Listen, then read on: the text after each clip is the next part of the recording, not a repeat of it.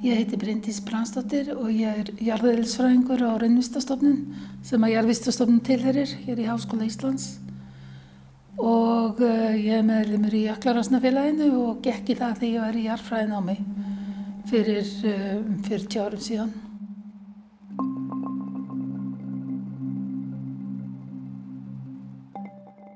Okkur bauðist að gerast áskrifundur á tímaritinu Jökli og uh, þannig gekk ég í Jöklaransnafélagið en síðan uh, fór ég að vinna hérna í jarðskjáltamælingar og hef búin að vera í því síðan.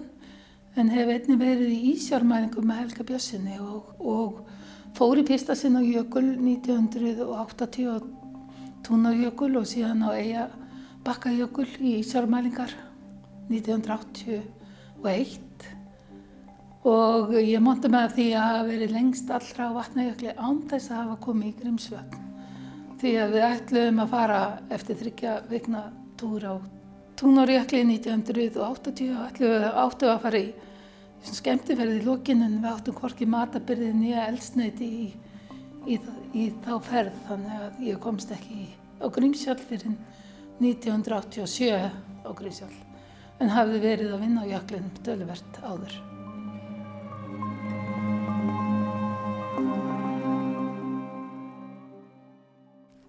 Þetta var í mæ 1998. Það var, eh, við ákváðum að nú skildi við komast að því hvar kvikan lægi undir Grímsvöldum.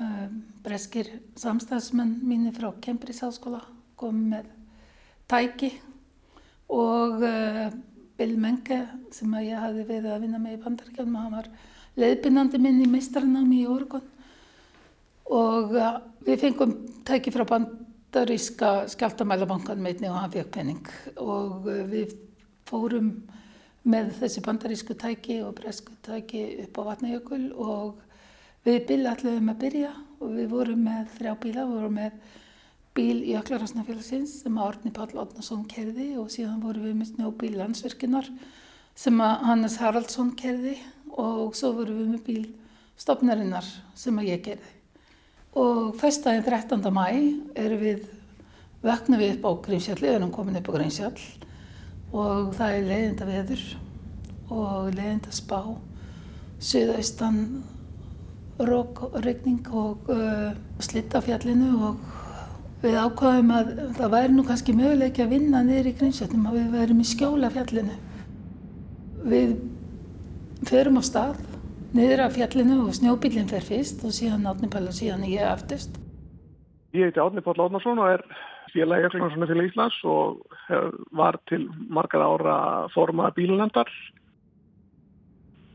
Við keirum þetta fram á svona brúninu og fjallinu og veðir er alltaf að vestna og, og ákveðum þá semst bara að snúa við, fara bara aftur heim í skála og bara vera í skálanum þann daginn og sjá til hvað hvort það myndi ekki vera betra viður daginn eftir. Þannig að þá var ég orðin fyrst og síðan átni pæla á eftir mér og snjóbillin aftastur. Svo bara allt í einu tekur hún hægri beigju í staðin fyrir að taka kannski vinstri beigju. Og... og það sem gerist er að ég er með GPS-tæki í bílnum en GPS-tækin voru ekki eins góð eins og þau er í dag og maður þurft að reyfa bílinn til að fá mið og að þegar ég er að keira áfram að þá er ég, þá breyti bílinu stefnu og ég átta mig ekkert á því og Bill á, sem er með mér í bílinum hann átta sig á því og segir, segir að við séum sennilega komin á nálagt tjálsbrúnu og í því finnum við að bílinn dettur gegnum hengju. Þá sé ég bara undir, undir aftur endan á bílum þar sem hann steipist fram af. Og... Bílinn fer í gegnum hengju, snjóhengju á fælsbrúnni og, og uh, hrapar niður í Grímsvötn og ég missi meðutundi í fyrsta högginu sem að bílinn verði fyrir. En Bill var með hjálm á höfðinu og misti ekki meðutundur. En hann uh, brákaði á sig halsliðina. Ég vissi náttúrulega nákvæmlega hvað hefði gert það sem ég var þokkalega kunnur staðháttum aðna og keira aðeins lengra og stekk út úr bílum og leipa aðna fram og síðan náttúrulega ekki neitt og veðið er bara stjórnu vittlust.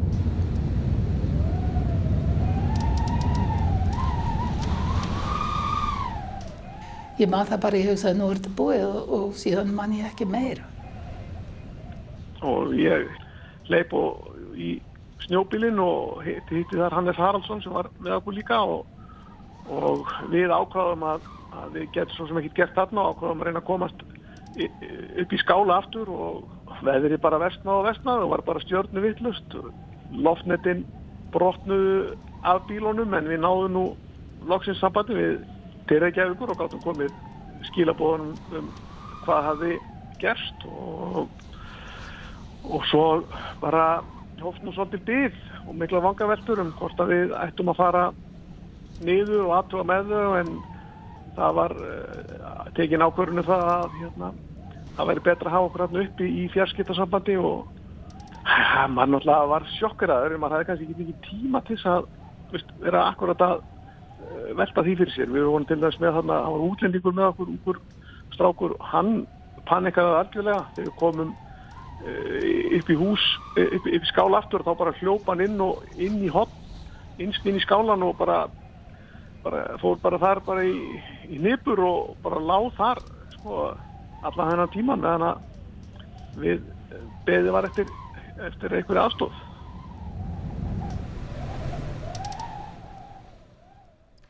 Þannig að þú rótast, missir meðutund. Já, ekki mjög langan tíma kannski. 10-20 myndi segði Bill, hann var allavega komin út bílnum þegar ég kom til meðutundar. Hvernig var umhors í kringu þig? Það var bara eins og við heldum, bara sæmilegt, okkalegt viður og skjól. Það var kannski svona lítið snjókoma en það var ekki sama rokið og regningin en eins og upp á fjalli. Og Billi var að byrja að taka út úr bílnum, mottur og annað. Sko við vorum með jarðskjaldamæla í húsi aftan á pallinum á bílnum. Bílinn hefur sannleikna hins lengst afturendin á hennum utan í fjallið. Húsi flög af en uh, hann fann svona ímislegt dót sem var þannig kring bílinn en uh, þar á meðal var tjald sem ég átti og uh, hann var búinn að tjalda því vegna þess að hann átti nákvæmlega eins tjald og þó hann væri slæmir í öðrum handlegnum, hann brotnaði annar handlegum þá gæti hann tjaldaði með annar endinni ég er alltaf með aukabúnaði bílnum ég var með tjaldi við spilið svona aftur í lestinni á bílnum en við höfum aldrei fundið spilið en tjaldi lág bara þarna tilbúið fyrir fram á bílinn. Ég var með skurða hefði, það var bínlítið, það var ekki mikið blóð. Maður náttúrulega fer í svona ákveðin ham að skoða sjálf að sig. Við erum náttúrulega bæði búin að fara í fyrsta hjálpar námskeið og það hjálpar náttúrulega voða mikið. Það þýðir ekkert annað að maður heldur bara rósinn, maður veit alveg um, að vísuður náttúrulega bíl þekkti ekki mikið til á Íslandi þannig ég þurfti að útskýra fyrir hann um hvað fær í gang og ég sagði hann um að það færi björgunarsetir af stað og uh, það var alls erir útkall. Síðan er það náttúrulega, er það einmitt gögn sem hefur verið sapnað hérna á stofninni og Magnús Tumi til dæmis uh, leiðbendi björgunarsveitum með kort sem hann hefur gert inn í Grímsvötn. Þannig að, að, að svo vinna sem að félagið hefur stundaði gegnum tíðina og hún skila sér líka til að hjálpa þarna uh, mönnum sem ekki tekja aðstæðir. Þeir komu sleðum. Ég heiti Sveinbjörn Steindorsson, ég er tæknima hjá Jarvíðstofnun Háskólans í dag og þegar brengdi svo fram á fjallinu þá vann ég hjá Vélsmiðu Hortnaferðar á höfni Hortnaferði. Ég mæti vinnu bara hjá Vélsmiðu Hortnaferðar þennan morgun. Um hátegispili fáum við útkallum að bílhæfin endi sprungu við Grímsjall Við förum á stað á, á tveimur stórum bílum pluss tveimur velsleðum og með læknir með okkur bílum. Planið var að eftir okkur kemur mannskapur með meiri búnað af því að bílinn var átt að hafa farið honni í sprungu. Svo á meiri leið þegar við erum að leiðinni þá kemur ljós að bílinn hefur lengt honni fram á fjallinu, eh, Grímsfjalli sem sagt. Þannig að allir eru settið bara flegi færið þangað. Veðri var afskaplega vond að hérna það skóf alveg endalust og það testist á öllum rúðum og allt á bílum en að maður var bara hættur að nota rúðuþurskur og keirði þetta bara svona nokkur neginn eins og sennilega í kafbót bara eftir GPS-tæki þegar við nálgumst Grímsjall eftir einhverja cirka fjóra, halvan, fimm klukkutíma frá höfn að þá koma til mótsu okkur samstagsfélagar frindisar og við förum saman í átt að fjallinu. Það var ekki talið óhægt að keira bíla fram með fjallinu. Menn vissi ekki alveg aðstæður, sprungur og annað. Og þannig að það var ákveðið að fara gangandi frá það sem við þorðum ekki að keira lengra á bílum. Og við gerum það. Við löpum hérna í frekamondu veðri fram með fjallinu í línum þegar við sjáum allt í hennu stefnuljós á bílnum svolítið hátt upp í brekkunni og við skiptum liði að fara þrýr að bílnum og þrýr halda áfram aðeins að leita fjallið.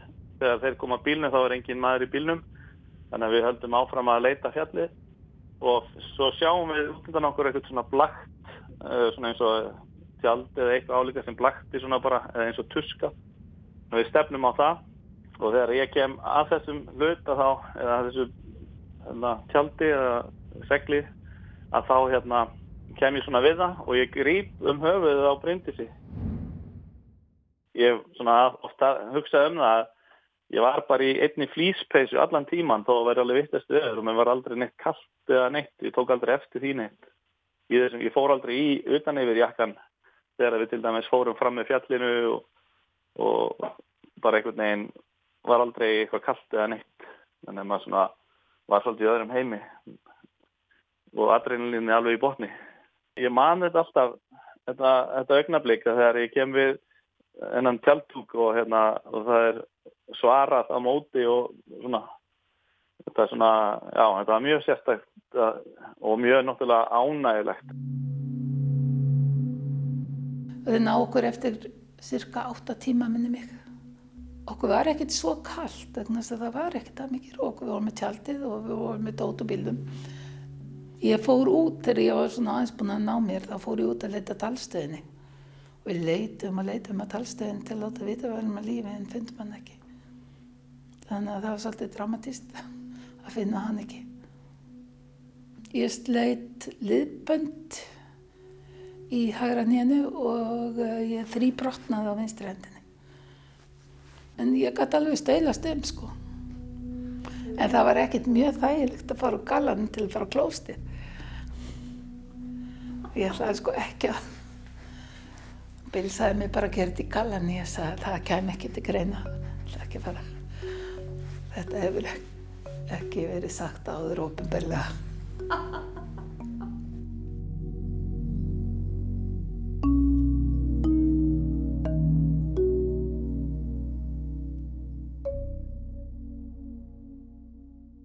Um, við erum fjögur sem hafa farið fram að fjallinu. Magnús Hallgrímsson, uh, verkfræðingur, Leifur Jónsson, læknir og ég og Bill Menge, tveir járskjaldafræðingar. Og uh, Leifur fór fyrstur. Hann var á skýðum og það er mjög erfitt stundum að sigla eftir áttavita, það er svona segul uh, stöfnubreitingar fjallinu og þeir voru líka í slæmi skeikni þegar hann fyrir fram á og Maggi Hall fyrir að aðtöða með hann og fyrir sjálfur niður í gegnum hengina. Þetta var svipiðin slóðum og við. En síðan þegar ég, við komum inn á slýsatilda þá fyrstum aðeins ég sé náttúrulega leifur. Þannig að við erum mjög gleðið að sjá hvort annað og, og fjallumst eiginlega ég faðma hann kom og faðmaði mig í rúminu og ég veit að þeir voru ábyggilega mjög undrandi að þeir eru læknar að sjá hvernig. Þeir leifur nú ekki svona maður sem flýgur um fyrir að faðma sjúklingarna sína en, en hana, við sem sé það vissi það náttúrulega vissi það fáir að hann var búinn að prófa þetta sama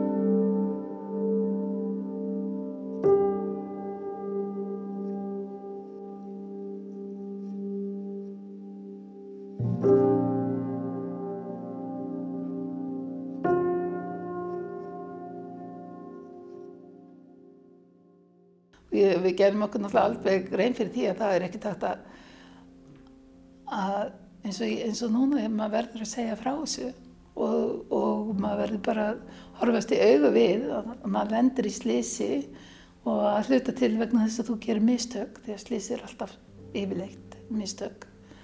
Og, uh, og þetta er náttúrulega svolítið svolítið mála að lifa með þessu en En það er auðveldara vegna þess að við sluppum svo ótrúlega vel frá þessu. Hvernig voru eftirkostin fyrir þig?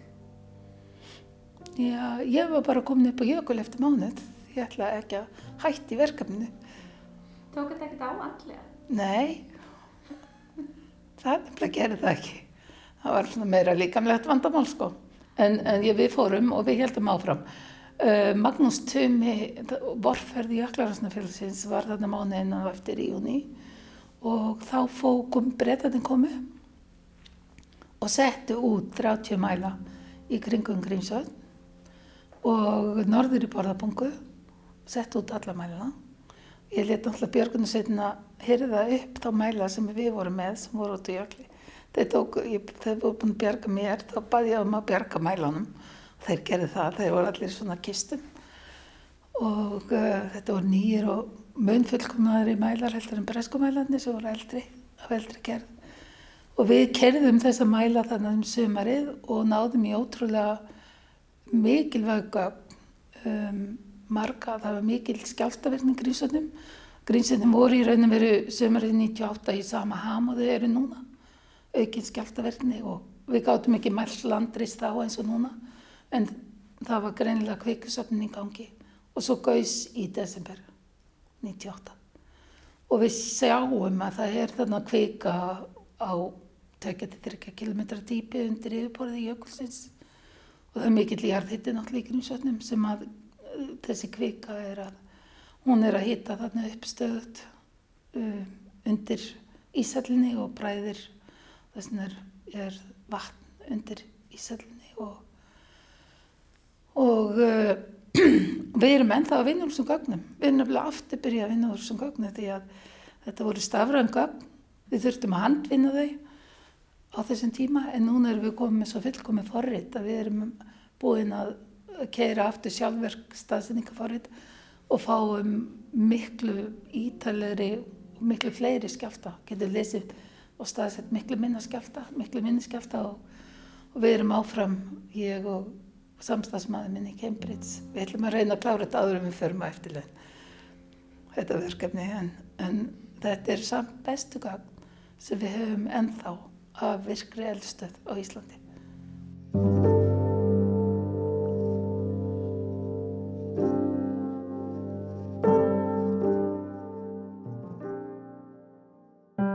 Rás eitt fyrir forvitna.